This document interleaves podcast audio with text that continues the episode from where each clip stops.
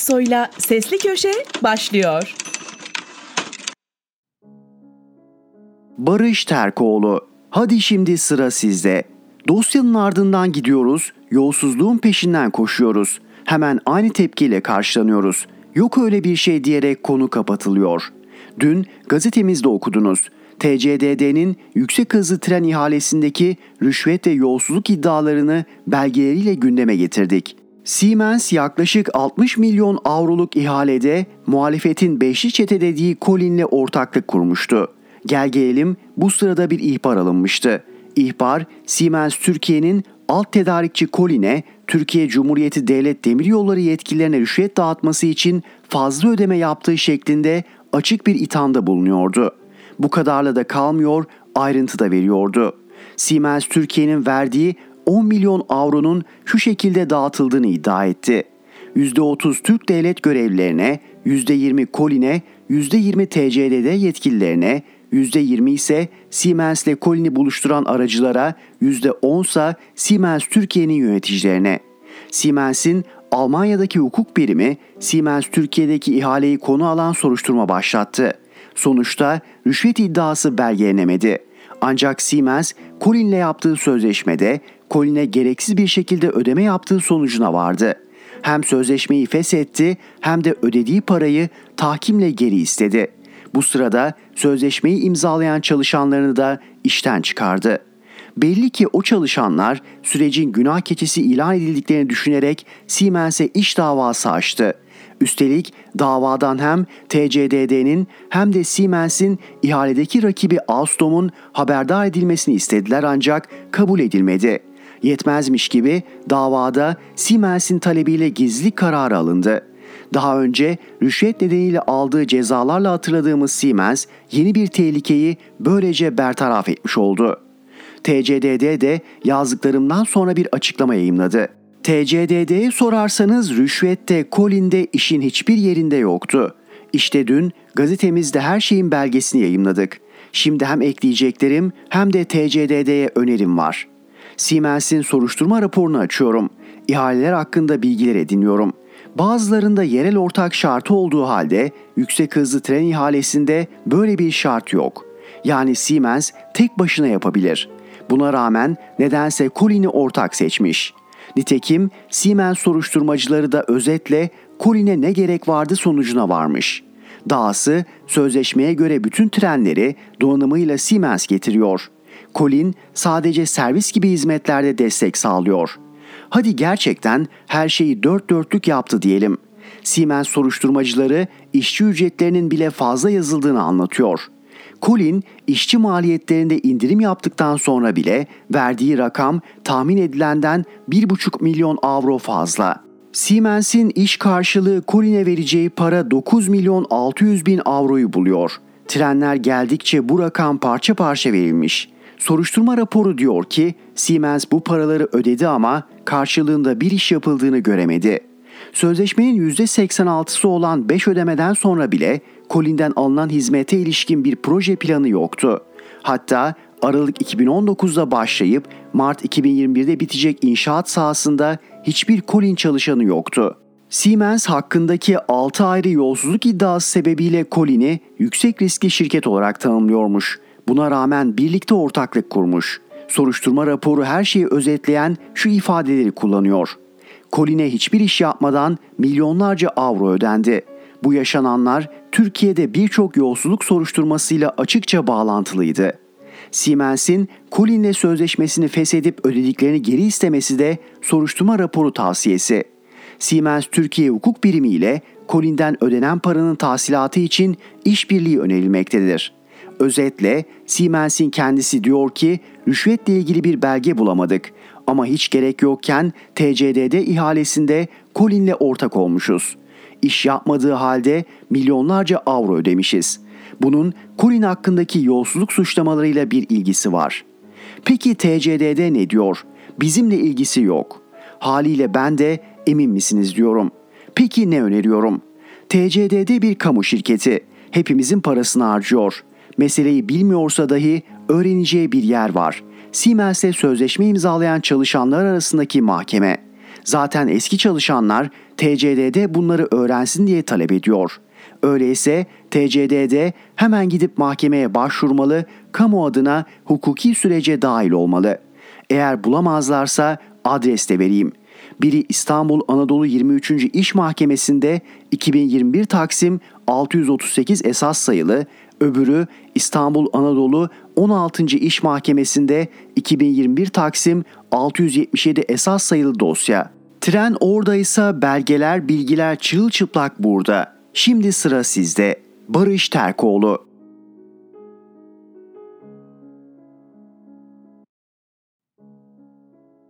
Fatih Altaylı Yerli, milli ve yenilenebilir enerjiye EPDK darbesi. EPDK'nın devletin 3 yıl önce verdiği söze güvenerek kendi ihtiyaçlarını karşılamak ve fazlasının bir bölümünü bedeli mukabilinde devlete satıp bir bölümünü ise ücretsiz olarak sisteme katmak üzere her biri yüz binlerce dolarlık yatırım yapan kobilere, küçük sanayiciye, esnafa ve çiftçilere nasıl kazık attığını yazdım iki gün önce.'' Bunun kime yaradığını, elektrik fiyatlarında nasıl bir artışa neden olduğunu yarına bırakıp bugün meselenin bir başka yönüne değinmek istiyorum. EPDK'nın yani Enerji Piyasası Düzenleme Kurulu'nun ne kadar yerli ve milli olduğu, ne kadar bu milleti düşündüğü meselesini sizin ve Türkiye yönetenlerin dikkatine sunmak istiyorum.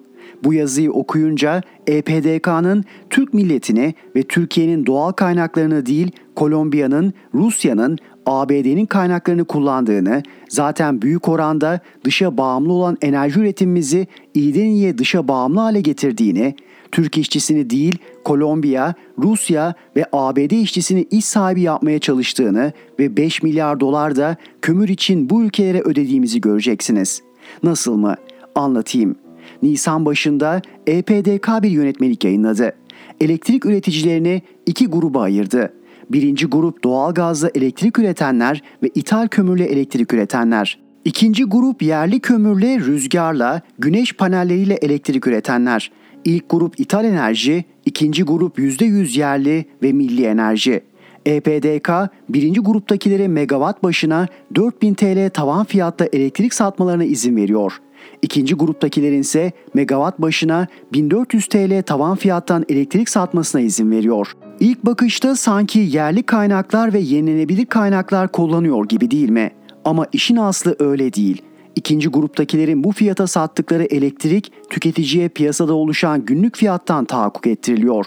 Mesela 25 Ağustos 2022 günlük elektrik toptan fiyat piyasası 3510 TL. İkinci grup üreticilerin satış fiyatı 1389 TL. Aradaki 2121 liralık fark tüketicilere yansıtılmıyor, tam aksine EPİAŞ'ın dağıtım şirketlerine ödemesi gereken borçlarına sayılarak dağıtım şirketlerine ödeniyor. Yani yerli kaynakla elektrik üreten de cezalandırılıyor, tüketici de. Kim yararlanıyor? Dağıtım şirketi. Üstelik de sözde liberal ekonomi ama uygulamada serbest piyasaya karşı bir durum oluşuyor.'' Ülke için doğru yatırımı yapmış güneş ve rüzgar enerjisi üreticileri daha önemlisi hem yerli kaynak olan hem de madenci istihdamı sağlayan kömür santralleri cezalandırılıyor. Kaynaklarına dolaylı yoldan el koyularak bu şekilde enerji yönetimindeki yanlışlıklar finanse ediliyor. Sorarsanız yerli ve milliler ama icraatta yapılan bu. Yerli kaynak, yerli sermaye, yerli işçi cezalandırılıyor. İthal enerji ödüllendiriliyor. Şimdi yerli kaynaklarla enerji üretimi yapanları temsil eden dernekler EPDK'nın bu gayrimilli ve gayri yerli hareketine karşı dava açmışlar. Bakalım yargımız ne kadar yerli ve milli göreceğiz. Bu konuya yarın başka bir boyutuyla devam ederiz. İskele Alaban'da Türkiye'nin değerli yalnızlık avuntusundan yurtta sulh, cihanda sulh projesine geçişi iktidar açısından büyük bir çark olsa da Türkiye açısından son derece olumlu. Körfez'den gelen konuklar ve katil lakabı taktığımız Bin Selman'la kucaklaşılsa da, Sisi ile kucaklaşma yolu aransa da, Beşar Esad'la şimdilik aracılar sarmaş dolaş olsa da, iktidarın en önem verdiği barışma projesi İsrailli olanı. Çünkü iktidar uluslararası alanda başına gelen pek çok şeyi İsrail'le yapılan kavgaya yoruyor her şeyin One Minute sonrası olumsuzlaşmaya başladığını, başta ABD olmak üzere Batı medyasının Türkiye ve iktidar aleyhine dönmesini One Minute miladına bağlıyor. Bu yüzden de 2023 öncesi İsrail'le barışmayı çok ama çok önemsiyor. Açıkçası İsrail'in de bu barışma isteğine bir karşıtlığı yok. Sadece bunun biraz kanırtarak olmasını istiyor. İktidarın hafızasında iz bırakmasını ve bu sayede kolay kolay tekrarlanmamasından yana. Bu bağlamda Türk Büyükelçinin güven mektubunu Kudüs'te sunması isteniyor ve sunacakta. Zaten büyükelçilerin atanması da an meselesi. İsrail Dışişleri Bakanlığı Ankara'ya atanacak büyükelçi için adaylık taleplerini değerlendirmeye başladı. Düne kadar İsrail aleyhtarlığının bayraktarlığını yapanlarsa şimdi çarkçıbaşılık sınavına hazırlanıyorlar. İş iştir. Madem İsrail dedik bir de günün anlam ve önemine uygun bir hikaye ekleyelim. New York'ta bir okulda öğretmen sınıfa tarih dersi anlatmaktadır. Dersin sonunda öğrencilere bir soru sorar ve ilgiyi artırmak için bir de ödül koyar. Soru şudur. Dünyayı en fazla etkileyen kişi kimdir? Ödülse 100 dolardır. Herkes parmak kaldırır. Kimi Washington der, kimi Lincoln, kimi Kennedy, kimi Churchill. 100 doları kapma heyecanıyla herkes yanıtlamaya çalışır ama doğru yanıt bir türlü gelmez. Sonunda arka sırada pinekleyen Samuel elini kaldırır, İsa peygamber der. Yanıt doğrudur. Samuel 100 doları cebe indirir. Zil çalar sınıf dağılırken öğretmen Samuel'i yanına çağırır. Oğlum sen Yahudisin ama en önemli kişi İsa peygamber dedin. Bu nasıl Yahudilik diye sorar. Samuel'in yanıtı kısadır. Musa Musa'dır, iş iştir. Anlaşılan bunu söylemek için Musa'nın soyundan gelmek de şart değil. İlk kez Sedat Peker Türkiye'deki siyasete video ve sosyal medya yoluyla müdahil olma işine 2020 yılının Nisan ayında başlamıştı. İlk kayıtları daha çok kendi başına gelenler ve Makedonya'ya kaçmak zorunda kalmasına sebep olan olaylarla ilgiliydi. Bu ilk videolar sonrası kendisine ve ailesine yönelik baskı arttıkça Peker'in videolarında ton değişti. Kendisinin de içinde olduğu olayları, büyük suçları, organizasyonları anlatmaya başladıkça ilgi de arttı. Peker bir suç örgütü liderliğinden halk kahramanlığına doğru evrilmeye başladı. Ancak zaman zaman videolarına ara vermesi de dikkat çekmiyor değildi. Pazarlık etti, anlaştığı iddiaları da dolaşıyordu. Ama her aradan sonra geri dönüyor ve daha güçlü iddialarla yeni videolar geliyordu. Son videosunu yaklaşık 14 ay önce çekti ve daha sonra bulunduğu emirliklerin baskısıyla videolarına son verdi ve video yayınlamasına izin verilmediğini duyurduktan sonra sessizliğe gömüldü. Ancak bir süre sonra bu kez YouTube üzerinden değil Twitter'dan seri tweetler atmaya başladı. Yeni iddialar gündeme getirdi.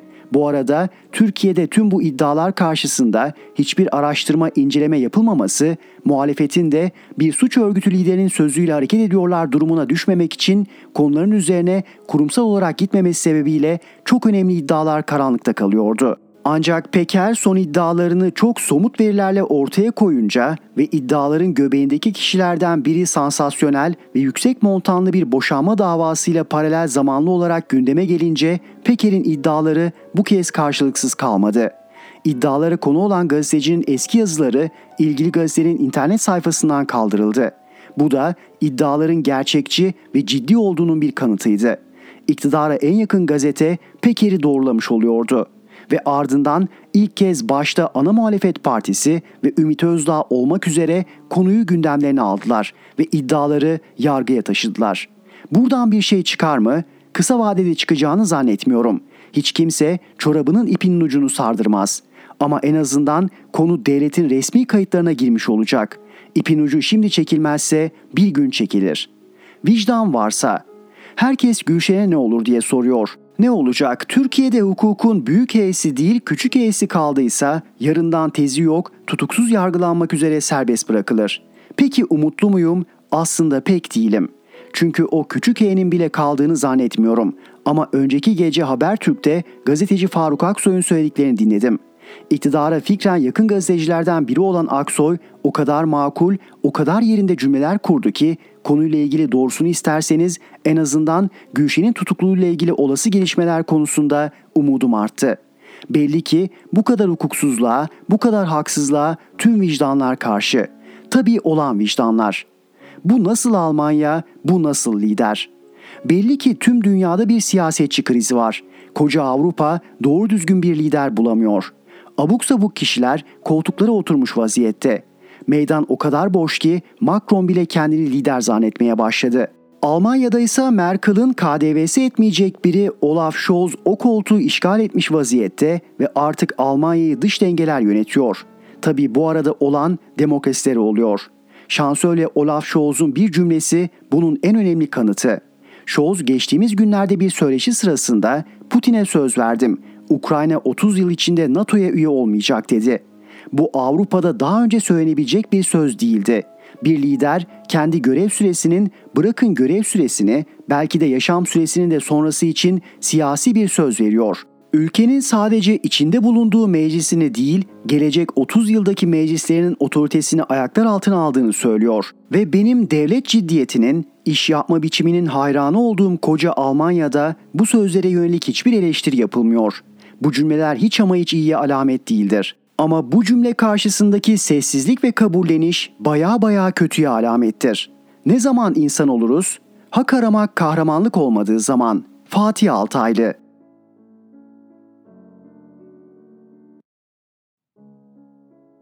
Fikret Bila, sükut ikrardan gelir. Sedat Peker'in açıklamalarının hepsi doğru çıkıyor. Bugüne kadar yalanlanan bir açıklaması olmadı. Peker son olarak bir rüşvet çarkı iddiasını gündeme getirdi. Rüşvetle ilgili yazışmaları yayımladı. Kendisinden rüşvet istenen iş kadını Mine Tozlu Sineren Halk TV canlı yayınında Peker'in iddialarını doğruladı. Bir hukuk devletinde yargı hemen harekete geçer. Kendisinden rüşvet isteneni de, rüşvet vereni de, rüşvet aldığı iddia edilenleri de kapsayacak bir soruşturma açar. Ancak Türkiye'de öyle olmuyor. Sedat Peker'in daha önce gündeme getirdiği ve belgelediği birçok iddia için yargı kılını kıpırdatmadı. Bu satırlar kaleme alındığında son rüşvet iddiası ile ilgili olarak yargı yine harekete geçmemişti. Bu konuyla ilgili olarak en sık sorulan soru cesur bir savcı yok mu? Bir tane bile mi yok sorusuydu. Bu iktidar savcıların resen soruşturma başlatma yetkisini aldı. Bu yetkiyi sadece başsavcılara verdi. Şu ana kadar başsavcılardan harekete geçen olmadı. Nedeni belli. Siyasileri ilgilendiren veya iktidar aleyhine sonuç verecek konularda yargı siyasi otoritenin nasıl bir tavır alacağını bekliyor. Eğer siyasi otorite dava açılmasını istiyorsa açılıyor, istemiyorsa açılmıyor. Kimlerin cezaevine girmesini istiyorsa onlar cezaevine gönderiliyor. Kimlerin cezaevinden çıkmasını istiyorsa onlar çıkarılıyor. Bu tablo yargının bağımsızlığını ve tarafsızlığını kaybettiğini gösteriyor. Anayasasında yazmasına rağmen kuvvetler ayrılığı ilkesinin Türkiye'de çalışmadığını kanıtlıyor. Peker eski Sermaye Piyasası Kurulu Başkanı Ali Fuat Taşkesenlioğlu, Cumhurbaşkanı Danışmanı Serkan Taranoğlu ve Türkiye Odalar Borsalar Birliği Deniz Meclisi üyesi Salih Orakçı'nın rüşvet ağı içinde olduklarını öne sürerken yazışmaları da ifşa etti. Kendisinden rüşvet istenen iş kadını Sineren Halk TV'de şöyle konuştu. Sermaye artırma başvurusu yapınca Zehra Taşkesenlioğlu'na yönlendirildik. Orada Serkan Taranoğlu ile tanıştırıldık. Taranoğlu rüşvet istedi, ben vermedim. Sistemi kurmuşlar. Zehra Taşkesenlioğlu AK Parti Erzurum Milletvekili ve eski SPK Başkanı Ali Fuat Taşkesenlioğlu'nun kız kardeşi. Sineren konuşmasını şöyle sürdürdü. SPK Başkanı ile görüşmek için talep ettiğim her görüşmeyi reddedip malum rüşvet kanalına yönlendirdiler. Hangi şirketin sermaye artırımı 8 ay bekletildi. Rüşvet vermedim diye yatırımcılar cezalandırıldı. Sineren Halk TV canlı yayınında Peker'in Cumhurbaşkanı danışmanı Serkan Taranoğlu'nun kendisinden rüşvet isteğine ilişkin WhatsApp yazışmalarını doğruladı. Adı geçenlerden Ali Fuat Taşkesenlioğlu dışında kimse açıklama yapmadı. Taşkesenlioğlu iddiaları reddetti, suç duyurusunda bulunacağını açıkladı. Ancak Peker yeni açıklamalar yaptı ve bir video yayınladı. Videoda Zehra Taşkesenlioğlu'nun eşiyle bu konu sebebiyle tartıştığı görülüyor. İktidardansa çıt çıkmıyor. Böyle demokratik hukuk devleti olur mu? Sükut ikrardan gelir diye bir sözümüz var. Cevap verilmesi karşısında susuluyorsa bu durum iddiaları kabul etmek anlamına geliyor. Fikret Bila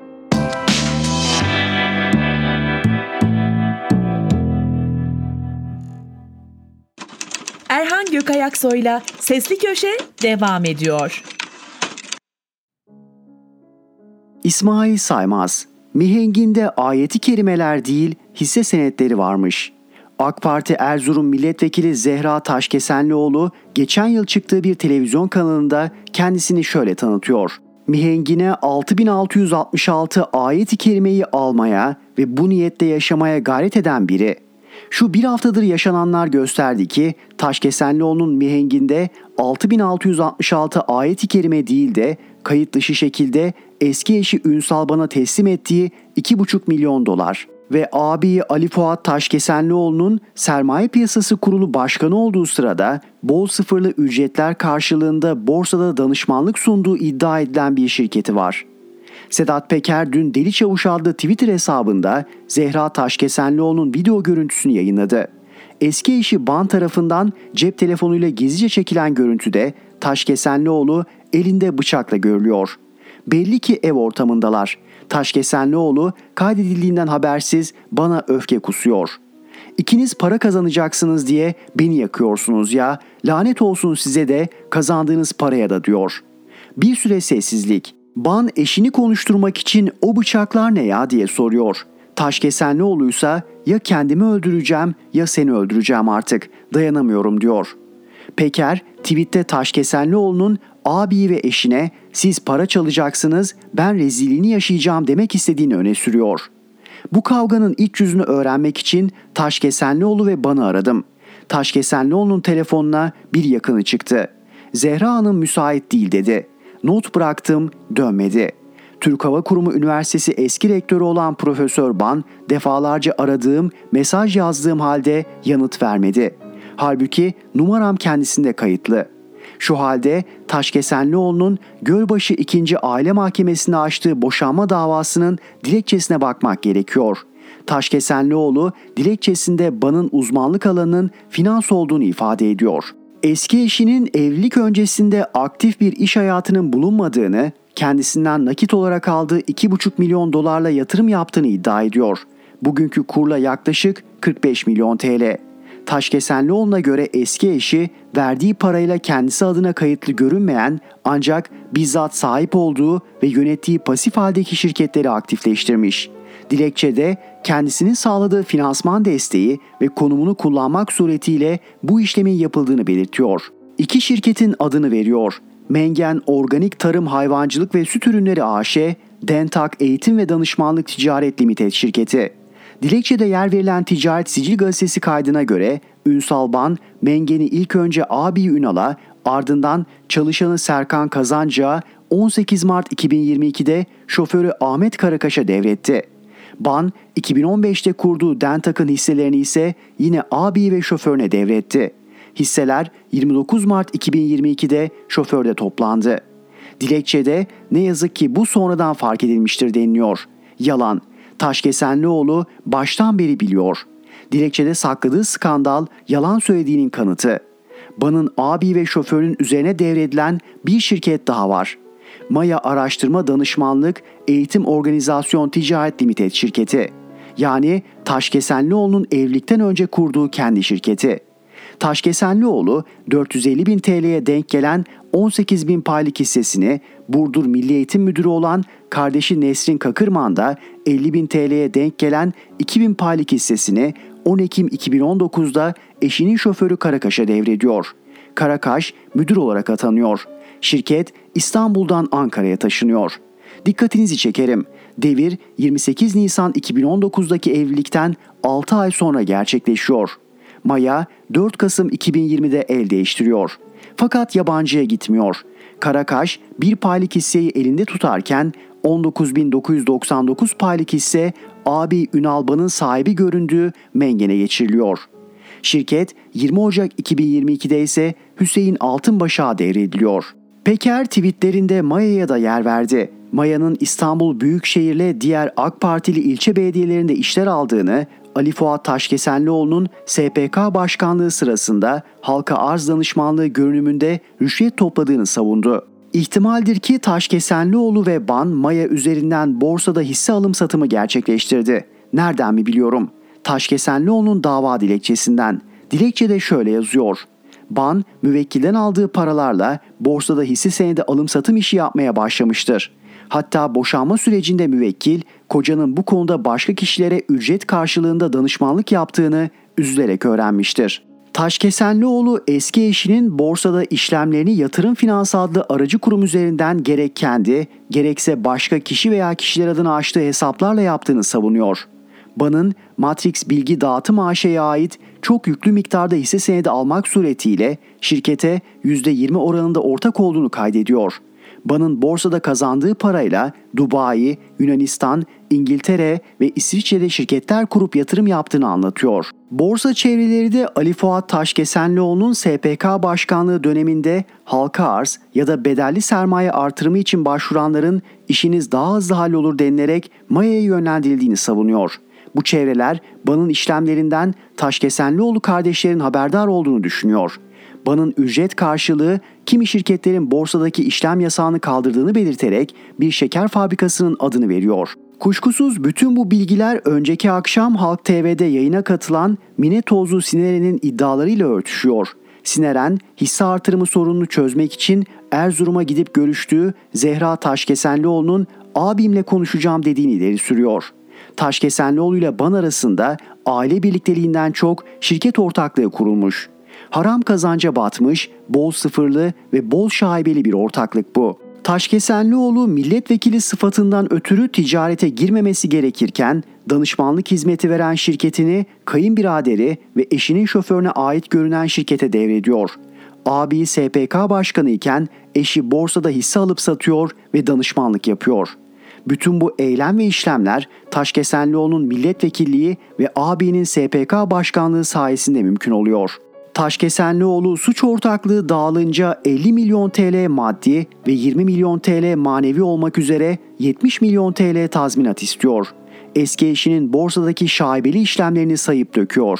Taşkesenlioğlu bir televizyon kanalında ben musalla taşına yattığımda adıma okunacak Fatiha sayısıyla ilgilenirim diyor. Şu bir haftadır yaşananlar gösterdi ki ilgi alanları arasında Fatihalar değil de hisse senetleri yer alıyor. İsmail Saymaz.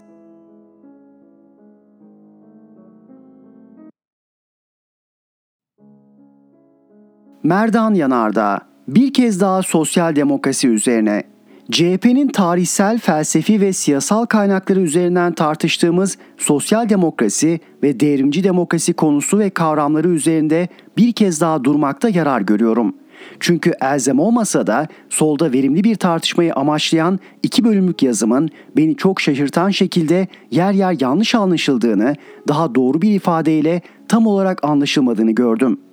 Dahası kimi kesimlerin kavrayış yetersizliği, sosyalist referans alanlarının eksikliği, bazı sağ tezleri, sol ve devrimci bir anlayış sanan bilgi düzeyi, ideolojik ön yargılar nedeniyle üzüldüm. Allah'tan bu çevre ve kişiler pek fazla değil. Bu durum belki bir teselli ama yine de önem vermek gerektiğini düşünüyorum. Diğer taraftan acaba ben mi yeterince anlatamadım derdimi diye de bakıyorum.'' Bu olasılık da hiç az değildir. O nedenle yazdıklarımı gözden geçirdim. Derdimi Marksist bir perspektiften yeterince anlattığımı ya da bunu yapmaya çalıştığımı gördüm. Ancak belli ki yine de eksik kalan ya da açılması gereken bir şeyler var. Artık her neyse bazı konularda tekrara düşmek pahasına konunun yeniden ve kimi kavramları açıklanması yerinde olacak. Sonuç olarak bu konunun tartışılması olumlu bir durumdur.'' Ayrıca çok yerinde yapılan bazı uyarılar ve sorulan sorular olduğunu da belirtmeliyim. Özellikle devrimci demokrasi kavramının konunun doğru anlaşılması bakımından biraz daha açılması gerekiyor. Dolayısıyla bu metin bir günde iki hafta önce arka arkaya iki bölüm halinde yayınlanan Sosyal Demokrasi mi, Devrimci Demokrasi mi başlıklı yazılarımın üçüncüsü diye okunması yerinde olacaktır. O halde başlayalım. Marksist kökenli işçi sınıfı örgütleri olan sosyal demokrat hareketler zamanla sosyalizm davasından koparak sınıf uzlaşmacı düzen partileri haline geldiler. Demokratik gerekçelerle kurulu düzeni meşrulaştıran, kapitalist sistemin devamını sağlayan partilerdir. Yani ufukları kapitalizme aşmaz. Bir hayalin peşinden koşar ve olmayacak doğaya amin derler. Deyim uygunsa emekçileri gözeten insancıl bir kapitalizmden yanadırlar. Özetle sosyal demokrasiden söz ettiğinizde Marksist bir kökenden ve bir sınıf partisinden de söz ediyorsunuz demektir. Bu köken sizi aynı zamanda işçi sınıfına ve halka ihanet eden bir siyasal geleneğe götürür. Gelişmiş kapitalist ülkelerdeki sosyal demokrat partiler tarihsel bir süreklilik, kopuş ve esaslı bir bölünmenin ürünü olduklarını bilirler. Dolayısıyla pozisyonlarını da kararlılıkla savunurlar. Sosyalistler sosyal demokratları hainlikle suçlasa da bu artık uzak geçmişte kalmıştır. Aynı şekilde sosyal demokratlar da sosyalistleri aşırılıkçı, bireyi ıskalayan ve özgürlükçü olmayan akımlar olarak suçlamayı sürdürür. Türkiye'de belki sosyal demokrasinin değil ama sosyalist hareketin kökleri ve bir geleneği vardır. Türkiye Komünist Partisi neredeyse dünyadaki diğer komünist partilerle aynı tarih diliminde 10 Eylül 1920'de Bakü'de kurulmuş bu ülkenin en eski partisidir. Şefik Üssü'nün Aydınlık Grubu, Kurtuluş Grubu, Türkiye Halk İştiraki Yun Fırkası ve diğerleri de 1920'li yıllarda bu topraklarda varlık göstermiş, ilk meclise milletvekili olarak girmiş, Ulusal Kurtuluş Savaşı'nda yer almış ve geleneklerini bugüne kadar aktarmış sosyalist Marksist hareket ve partilerdir. CHP ise Yeni Osmanlılar, Jön Türkler, İttihat ve Terakki Fırkası, Kuvayi Milliye, Müdafaa Hukuk Cemiyetleri çizgisinden gelen daha başka ve önemli bir devrimci damardır. Bazen CHP içinde dağıtılan ve genellikle adı sosyal demokrasi nedir diye başlayan kimi broşürler ve çalışmalar elime geçtiğinde kendisini anlatmakta hiç bu kadar zorlanan metinlerle karşılaşmadığımı düşünürüm. Bu çalışmalar sadece karmaşık değil ideolojik bakımdan sorunlu, teorik bakımdansa yanlış zemine basan metinlerdir yazar ya da hazırlayıcıları bütün iyi niyetlerine karşın ne kadar uğraşsalar da sosyal demokrasi ile CHP arasındaki ilişkiyi bir türlü tatmin edici şekilde kuramaz. Çünkü sosyal demokrasinin tarihinde önceki yazılarda da altı çizildiği gibi Edward Bernstein ve Karl Kautsky gibi dönek sosyalistler vardır. Devrimci demokrasinin tarihinde ise genellikle ulusal kurtuluş mücadeleleri ve devrimlerine önderlik eden liderler bulunur. Sosyal demokrasi, sosyalizm gibi post aydınlanmacı bir akımdır. Devrimci demokrat hareketlerse halkçı, yurtsever ve aydınlanmacı kitle partileridir. CHP gibi partilerin demokratik karakteri feodal bir din tarım toplumunu dönüştürmesinden, hilafeti ve saltanatı yıkmasından, meclisi kurmasından, yurttaşlık hukukunu oluşturmasından, medeni kanunu yerleştirmesinden ve nihayet laik bir düzeni esas almasından kaynaklanır sosyal demokrat ve devrimci demokrat hareketler arasındaki bütün siyasal, tarihsel ve felsefi farklılıklar birer kusur değil, aksine birer gurur kaynağı olabilecek özelliklerdir. Bu bakımdan devrimci demokratik bir parti ya da harekete sosyal demokrat demek tarihsel ve bilimsel bakımdan doğru olmadığı gibi gereksiz bir zorlamadır. Şimdi maddeler halinde kimi yanlış anlamaları ve anlaşılamayan noktaları açmaya çalışalım. 1. Bu seri yazıda ifade ettiğim devrimci demokrasi ya da devrimci demokrat kavramları anti-emperyalist ve anti-feodal burjuva devrimci demokrasisi ya da burjuva devrimci demokratlığıdır. Bu yanıyla yani tarihsel ve kategorik bakımdan ilerici karakteri nedeniyle Dünya Sosyalist Hareketi'nin dostudur. Üçüncü Enternasyonel'in ve Lenin liderliğindeki Sovyetler Birliği'nin Türkiye'de Kemalist harekete destek vermesinin ve ulusal kurtuluş mücadelesini desteklemesinin anlamı budur. Burada kullanılan devrimci demokrasi kavramıyla kimi Marksist hareketlerin daha çok Sovyetik ve Troçkist hareketlerin kimi radikal sosyalist akım ve hareketler için kullandığı devrimci demokrasi kavramıyla bir ilgisi yoktur. Çünkü gerçekte sosyalist olan bu akımları adı geçen çevrelerin devrimci demokrat diye nitelemesi doğru değildir. 2. Benim bu yazılarda CHP'nin yeniden Kemalist bir parti haline gelmesini sağlamaya çalıştığım, dolayısıyla demokratik kimliğinden uzaklaştırarak tekrar otoriter bir siyasal harekete dönüştürmeye çalıştığımı iddia edenler var. Hatta bu bakışın benim sol Kemalist yaklaşımımdan kaynaklandığını ileri sürenler bile oldu. Şaka gibi ama böyle. Teorik oylumu da olan bir yazı ancak bu kadar yanlış yorumlanabilir. Eğer bir kasıt yoksa düpedüz derin bir cehalet söz konusu.'' Sosyalist bir gazeteci ve Marksist bir araştırmacı olarak bir durum tespiti yapmaya ve tarihsel bir analiz geliştirmeye çalıştım. Yaptığım tespitler ve ulaştığım sonuçlar benim tercihlerim değil, analizin nesnel sonuçlarıdır. Toplum bilim yönteminden haberi olmayan bir bakış ancak yazılanları böyle yorumlayabilir. 3. CHP istediği kimliği seçebilir. Ancak sosyal demokrat olmayı iyi bir şey sanmak tam anlamıyla bilgisizliktir. Dahası bizim gibi ülkelerde ulusal kurtuluş mücadelesinin içinden doğmuş bir partiyi sosyal demokrat diye tanımlamak tam anlamıyla cehalettir. Buna işaret ettim. Ayrıca böyle bir tanımlamaya gerek de yoktur. Çünkü sosyal demokrat olmak daha iyi bir şey değildir. Böylece daha demokrat olunacağını sanmaksa tam bir yanılgıdır. Kemalizm örneğin onun demokratik yorumu sosyal demokrasiden daha prestijli bir harekettir. Türkiye'de Kemalizmi Marksist bir perspektiften en doğru şekilde değerlendiren kişi Mahir Çayan'dır. Eserlerinde, yazılarında çok sayıda öncü kavram ortaya atan, bu bakımdan sadece Türkiye'nin değil dünyanın da en parlak devrimci liderlerinden biri olan Çayan'ın Kemalizme bakışıyla mutabık olduğumu söylemeliyim. 4. Gelelim Simon Bolivar konusuna. Bolivar hakkında Marx'ın yaptığı değerlendirme elbette doğrudur. Marx, İspanyol sömürgecileri kovarak onların yerine kendi iktidarını kurmak isteyen bir burjuva hareket olarak değerlendirir Bolivar'ı ve Bolivarcı oluşumları. Aynı değerlendirme gecikmiş bir burjuva devrimci hareket olarak Kemalizm için de geçerlidir. Çünkü sosyalistler de öncülük yapsa her ulusal kurtuluş mücadelesi milli burjuva sınıflarını içeren hareketlerdir. Dolayısıyla son tahlilde sahip olacağımız bu bakış ilk tahlilde Latin Amerika'daki Bolivarcı hareketlerin devrimci ve anti-emperyalist niteliğini ortadan kaldırmaz. Zaten Marx da böyle bir şey söylemez. Örneğin Engels'in İngiliz sömürgeciliğinin dünyanın geri kalmış diğer bölgelerinde kapitalizmi geliştirdiğini, böylece işçi sınıfının oluşumuna yol açarak ilerici rol oynadığını yazar. Bu yaklaşım Engels'in sömürgeci İngiliz burjuvasını desteklediği anlamına gelir mi? Marx'ın Bolivar hakkında yazdıkları da tersinden böyle okunmalıdır. Merdan Yanardağ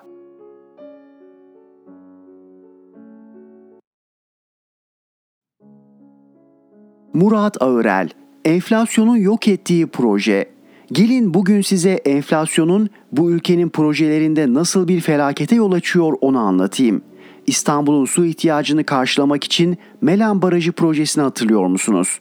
Duymayan çok az kişi vardır diye düşünüyorum. İstanbul'un su ihtiyacını karşılamak için ortaya konan, desteklenmesi gereken bir iş. 2007 yılında İstanbul'da yaşanan kuraklık sebebiyle proje hızlandırılmak isteniyor.'' İTÜ tarafından hazırlanan 2009 tarihli nihai ÇED raporunda ve 2012 tarihinde yine aynı üniversitede yapılan zemin durumu araştırmasında zeminin olumsuz durumu ile ilgili yapılan saptamalar, uyarılar ve öneriler kulak ardı edildi. Aslında bilim insanları zamanında uyarmış. Klasik AKP mantığıyla uyarılar ciddiye alınmamış. Ama bakın nasıl gelişmiş olaylar. Tarih 7 Nisan 2014 dönemin Adapazarı valisi Mustafa Büyük şöyle konuşuyor. Melen Barajı 1990'lardan başlayarak yoğun göç alan İstanbul'da suyun arz ve talep dengesine meydana gelen bozulmayı düzeltmeye yönelik geliştirilen Büyük İstanbul İçme Suyu ikinci merhale projesi Melen sisteminin depolama tesisidir. Silindirle sıkıştırılmış beton tipindeki barajımızın bedeli 213.8 milyon TL olup inşaat sözleşmesi 17 Aralık 2012 tarihinde imzalanarak işe başlanılmış olup barajın temeli Orman ve Su İşleri Bakanımız Sayın Profesör Doktor Veysel Eroğlu'nun katıldığı merasimle 6 Mart 2014 tarihinde atılmıştır. Şu an itibarıyla barajda %8'lik gerçekleşme söz konusudur. Melen Barajı'nın 29 Ekim 2016 tarihinde bitirilmesi planlanmaktadır. Yani o günün kuruyla bedeli yaklaşık 119 milyon 500 bin dolar. Melen Barajı İnşaat İşi Sözleşmesi 17 Aralık 2012'de DS ile Ecetur AŞ ve Yöntaş AŞ adi ortaklığı ile imzalandı. Tarih 22 Mart 2015. Dönemin Orman ve Su İşleri Bakanı Veysel Eroğlu İstanbul'da 2071'e kadar su sıkıntısı olmaması için çalıştıklarını belirterek 7 Aralık 2016 saat 14.59'da Melen Barajı bitiyor dedi. Bitmedi aslında bitmeyeceğini de biliyorlardı. Çünkü yüklenici firma kazı çalışmalarına başladığında sözleşmede belirtilen niteliklerin sağdaki örneklerle uyuşmadığını tespit etmiş. Numuneler almış DSİ ve İTÜ laboratuvarlarına gönderilerek malzemenin sözleşme konusu işe uygun olup olmadığını sormuş. Sonuçta uygun olmadığı ortaya çıkmış.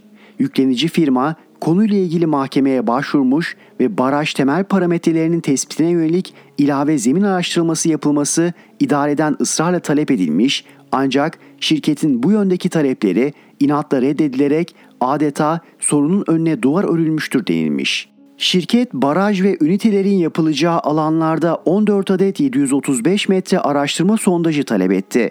Ancak DSİ 14. Bölge Müdürlüğü 1 Mart 2013 tarihli yazısında talep edilen sondajları uygun bulmadı. Bu defa yüklenici firma yabancı bir firmaya rapor hazırlattı. DS yöneticilerine durumu aktardı. Bürokratlar firma iş artışı için bunu yapıyor dedi.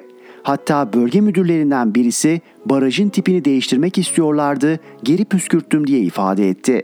Firma uyarmış ama dinleyen kim? Başlayın kardeşim denmiş. İnşaat başlamış. Ne olmuş peki? 2017 yılında baraj gövdesinde oturmalar ve derin çatlaklar belirmeye başlamış. Orman ve Su İşleri Bakanlığı'nın 2017 tarihli ön araştırma raporunda baraj gövdesindeki çatlakların zeminden kaynaklandığı tespit edilerek ilave zemin araştırmalarının yapılması önerildi. Bunu şirket 4 sene önce söylemişti. 2019 seçimlerinden sonra Ekrem İmamoğlu incelemelerde bulundu ve baraj gövdesinde çatlaklar olduğunu belirtti. Çatlaklar öyle büyüktü ki İmamoğlu elini çatlakların içine sokarak gösterdi. Tarım ve Orman Bakanı Bekir Pakdemirli Melen Barajı ile ilgili açıklama yaptı. Melen'de ufak bir teknik problem olduğu doğrudur. Bunun da gereğini yapacağız. Cumhurbaşkanlığı Strateji Ofisi bunu imzaladı. Hiç iş yapmazsan hata da yapmazsın. Binlerce baraj yaparsan bir tanesinde de ufak bir problem olabilir dedi. Tarım ve Orman Bakanı Bekir Pakdemirli ile İmamoğlu Ankara'da görüştü. Bekir Pakdemirli ile görüşmesi sonrasında açıklama yapan Ekrem İmamoğlu, buranın ihalesinin yapıldığı ve ödeneği konusunda hiçbir sorun yaşanmayacağı şeklinde teminat vermiş oldu. Bu da bizi mutlu etti. Görünen o ki 2023'ün Şubat ayında Melen Barajı bitmiş olacak dedi. İhale 2020 yılında yapıldı. İhaleyi 412 milyon TL bedelle Everest Madencilik kazandı. Şirkette güçlendirme işi için 1 Haziran 2020 26 Şubat 2023 tarihleri arasını kapsayan 3 yıllık sözleşme imzalandı. Daha 2023'e zaman var ama yine bitmeyecek. Neden? Çünkü 15 Nisan 2022 tarihinde resmi gazetede yayımlanan 4734 sayılı ihale kanununa ekle alınan işler %15'i geçmemişse ihaleyi alan firmaya projeden çekilme hakkı tanındı. İhaleyi alan firma 2020 yılından 2022 yılına kadar %10 seviyesinde ilerleme sağlamış. Enflasyon sebebiyle fiyat artışları da yaşanınca firma kanundan yararlanmak istemiş. DSİ'ye başvurmuş ve sözleşmeyi feshetmiş. Yani şu anda Melen Barajı gövdesi çatlak şekilde ne olacağı meçhul şekilde bekliyor. Enflasyon öyle vurdu ki memleketi projeler ilerlemiyor. Alınan ihaleler tamamlanamıyor. Parası olan zenginler fabrika açmak yerine parasını dolara faize yatırıyor. Süleyman Demirel'in dediği gibi esasen enflasyon devletleri yıkan bir olaydır. Batılılar enflasyona bir numaralı halk düşmanı derler. Peki faizi düşürerek enflasyonu artıranlar kimler? Murat Ağırel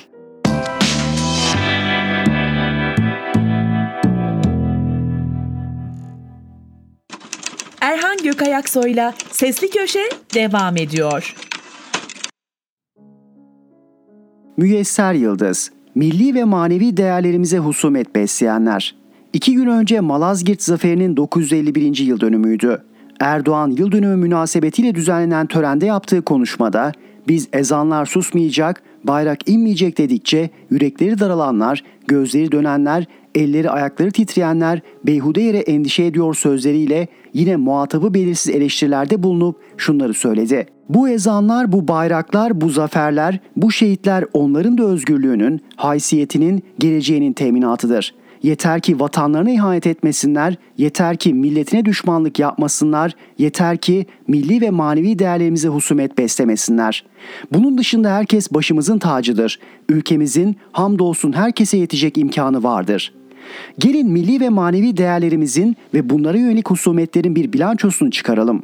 Türk milleti adı en başta gelen milli değerimiz olduğu halde 10 yıllardır bu ifadeyi kullanmaktan çok mecbur kalmadıkça kaçınanlar, Türk yerine Türkiye'li kavramını yerleştirmeye çalışanlar, ne mutlu Türk'üm diyene tabelalarını söktürenler, TC ibarelerini sildirenler kimlerdir? Bir başka en önemli milli değerimiz Mustafa Kemal Atatürk'ün devlet huzurunda lanetlenmesine izin verilip adının anılmasından imtina edilmiyor ve ay yaş denmiyor mu?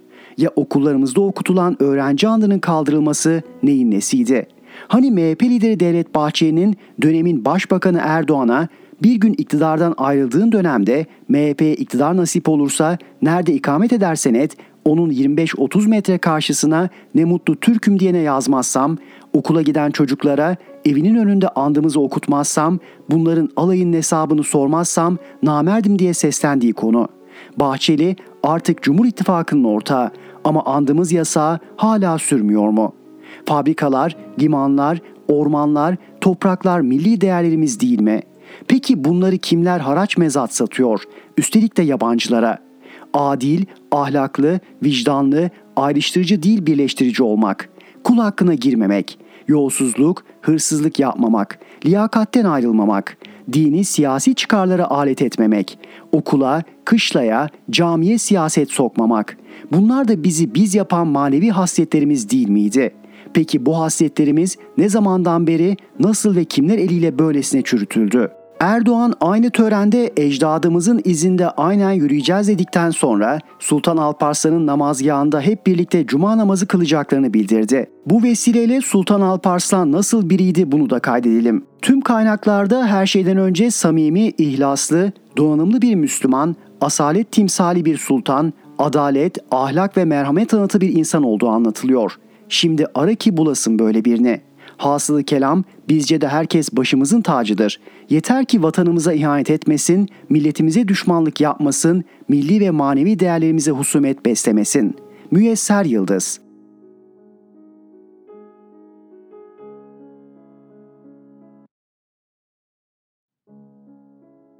Orhan Uğuroğlu Eşek gibi gidip ona oy verme.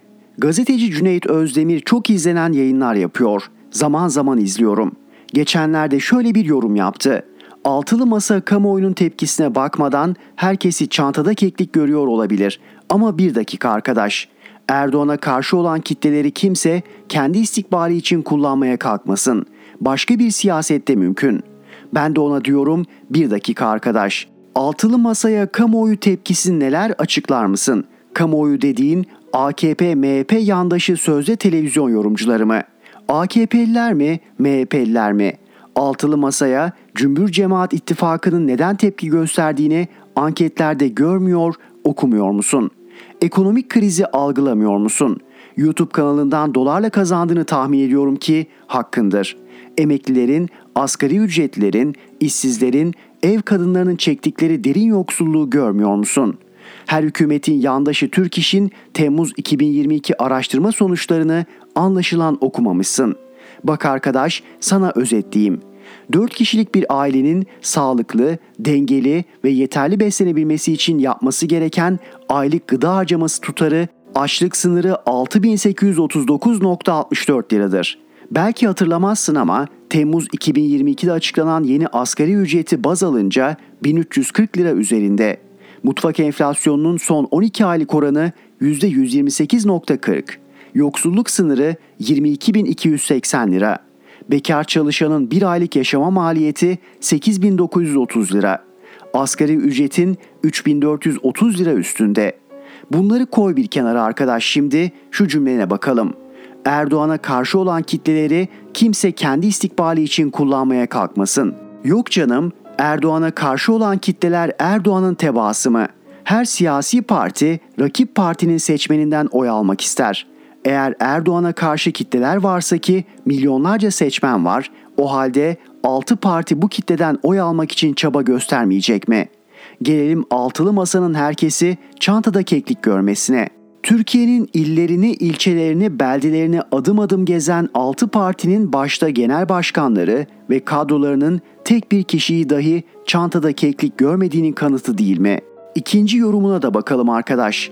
Kemal Kılıçdaroğlu kendi çıkarları için ve kendi kafasına göre bir aday belirleyecek, biz de eşek gibi gidip ona oy vereceğiz öyle mi? No no no yeter asla. Gerçekten çok güldüm. Allah da seni güldürsün arkadaş. Kemal Kılıçdaroğlu Recep Tayyip Erdoğan'ın çıkarları için mi aday belirlesin? Devlet Bahçeli'nin çıkarları için mi aday belirlesin? Kendi kafasında bir aday belirlemesinin neresi yanlış Allah aşkına? Kılıçdaroğlu'nun 13. Cumhurbaşkanını altılı birliktelik belirleyecek sözünü duymadın mı? Kemal Bey'in kafasındaki aday çantada keklik değil ki. Anlaşılan o ki Kılıçdaroğlu'nu hiç tanımamışsın arkadaş. Devlet Bahçeli'nin hatırına CHP ve MHP Ekmelettin İhsanoğlu'na ortak aday göstermedi mi? CHP'nin adayı olarak Muharrem İnce'yi aday göstermedi mi? Kılıçdaroğlu bu adayları tek başına mı gösterdi? CHP'nin parti meclisi, başkanlık divanı ve MYK'sının onayı olmadı mı? Şunu bil ki Kemal Kılıçdaroğlu ne Erdoğan'a ne de Bahçeli'ye benzer. Asla tek başına karar almaz. CHP kültüründe de zaten böyle bir usul asla yoktur. Kılıçdaroğlu CHP'de asla tek adam değildir. Arkadaş gelelim eşek benzetmene. Biz demenle kimleri kastettiğini bilemedim. Bir yakıştırma da yapmak istemem ne de olsa meslektaşız. Ama anlaşılan o ki oy kullanma kültüründe şu var. Eşek gibi gidip ona oy verme. Vallahi inanamadım. Senin gibi bir gazeteci, televizyoncu, YouTube yayıncısına inan bana hiç yakıştıramadım. Arkadaş siz siz olun AKP'ye de MHP'ye de gidip asla eşek gibi oy vermeyin. Ayrıca no no no sözüne biliyorsun Türk siyasetinde darbeci Kenan Evren'in parti liderlerine koyduğu siyasi yasaklar vardı. ANAP lideri Başbakan merhum Turgut Özal yasakların kalkıp kalkmaması konusunda referandum yapmış, kalkmaması için hayır kampanyası yürütmüştü. Bakan Güneş Taner o kampanyaya üzerinde no no no yazılı tişört giyerek katılmıştı. Bugün Güneş Taner siyasette yok. No no no sloganı çok tehlikelidir. Hatırlatayım dedim. Aman sen de kendine dikkat et arkadaş. Sevgili meslektaşım, haydi gel birlikte Flash Haber TV'de canlı yayında buluşalım, konuşalım. Var mısın?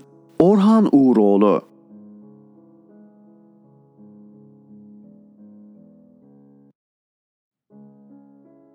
Rifat Serdaroğlu Hırsızdan imam olmaz. Sözlükte kendine uyulan, önder, halife, komutan, delil gibi anlamlara gelen imam, dini bir kavram olarak devlet başkanı, bir ekolün veya hareketin önderi, cemaate namaz kıldıran kimse demektir. İmam olabilmek için yeterli eğitim, görgü, birikimden önce namuslu olmak şarttır. Kendimden örnek vereyim de kimse dediklerimi sünger gibi içine çekip alınmasın. Belediye başkanlığı, milletvekilliği, genel başkan yardımcılıkları, bakanlık, genel başkanlık yapmış biri olarak kafayı kırıp kendimi İzmir imamı ilan ettim diyelim. Eğer ben camilerde hayır yapmak için toplanan sadaka paralarını dolandırıyorsam, bu paraları pavyonlarda, içki alemlerinde yiyorsam veya bu hırsızlıkları yapanları siyasi gücümü kullanıp kollayıp koruyorsam, adaleti engelliyorsam benden imam olur mu? Elbette ki olmaz.'' Eğer ben milletten aldığım emaneti kötüye kullanırsam, devlet malını peşkeş çekip avanta alırsam, daha dün orman arazisine kaçak olarak yaptırdığım evde yardımla yaşarken şimdi villalarda, saraylarda oturuyorsam, çocuklarımla milyar dolarların sıfırlanması, saklanması için konuşuyorsam, boğazıma kadar haram havuzuna batmışsam benden imam olur mu? Elbette ki olmaz.'' Sözün özü eğer ben tüm bunları yaptıysam ve hala Allah'tan korkmadan, kuldan utanmadan toplum içine çıkabiliyorsam benden değil imam bir bok olmaz. Yaşlanan çift iki oğlunu çağırıp bakın oğullar bundan böyle tüm arazilerim, hayvanlarım, makinalarım sizindir. Siz toprağı işleyip çalışacaksınız. Tek şartım var beraber çalışacaksınız. Ayrılık olduğu an tüm malları geri alırım demiş. Ve iki oğluna birer tane ucuz sivri sopa vermiş batırın kazıkları yere diye emir vermiş. İki delikanlı da kazıkları yere rahatlıkla batırmışlar. Sonra ucu çatal halinde olan bir sopa daha vermiş ve toprağa batırmalarını istemiş. Delikanlılar ne kadar uğraşsalar da kazığı toprağa batıramamışlar. Çiftçi bir yerde ikilik, ayrımcılık olursa orada bereket olmaz. Konuşun, danışın, anlaşın, birbirinizin görev alanlarını belirleyin ve asla ikilik çıkarmayın. Bu size baba nasihatidir demiş.'' Türkiye şu an aynen yukarıdaki örnekteki gibidir. Cumhurbaşkanı var, genel başkanlıkta yapar, yetinmez Merkez Bankası başkanlığı da yapar. Gün gelir sanat eleştirmeni olur, gün gelir kadın doğum uzmanı olur. Ne tecrübeye, ne bilime, ne de uzmanlığa inanır. Her şeyi o bilir. Atanmış sekreter bakanlar var, kendi işlerini düzeltmekle meşguller.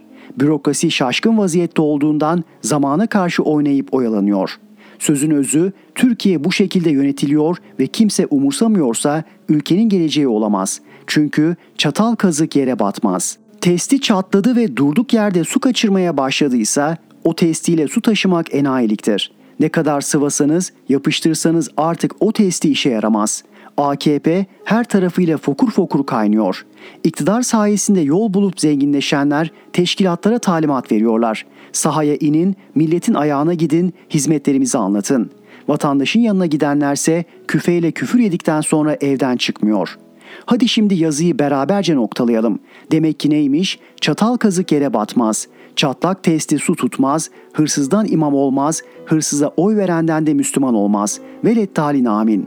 Van'a dün geldik. Çok güzel karşılandık. Muradiye ilçemizi ve Van Ticaret ve Sanayi Odası'nı ziyaret ettik. Bugün Doğru Parti Van 1. İl Kongresini yapacağız. Van'dan sevgilerle. Rifat Serdaroğlu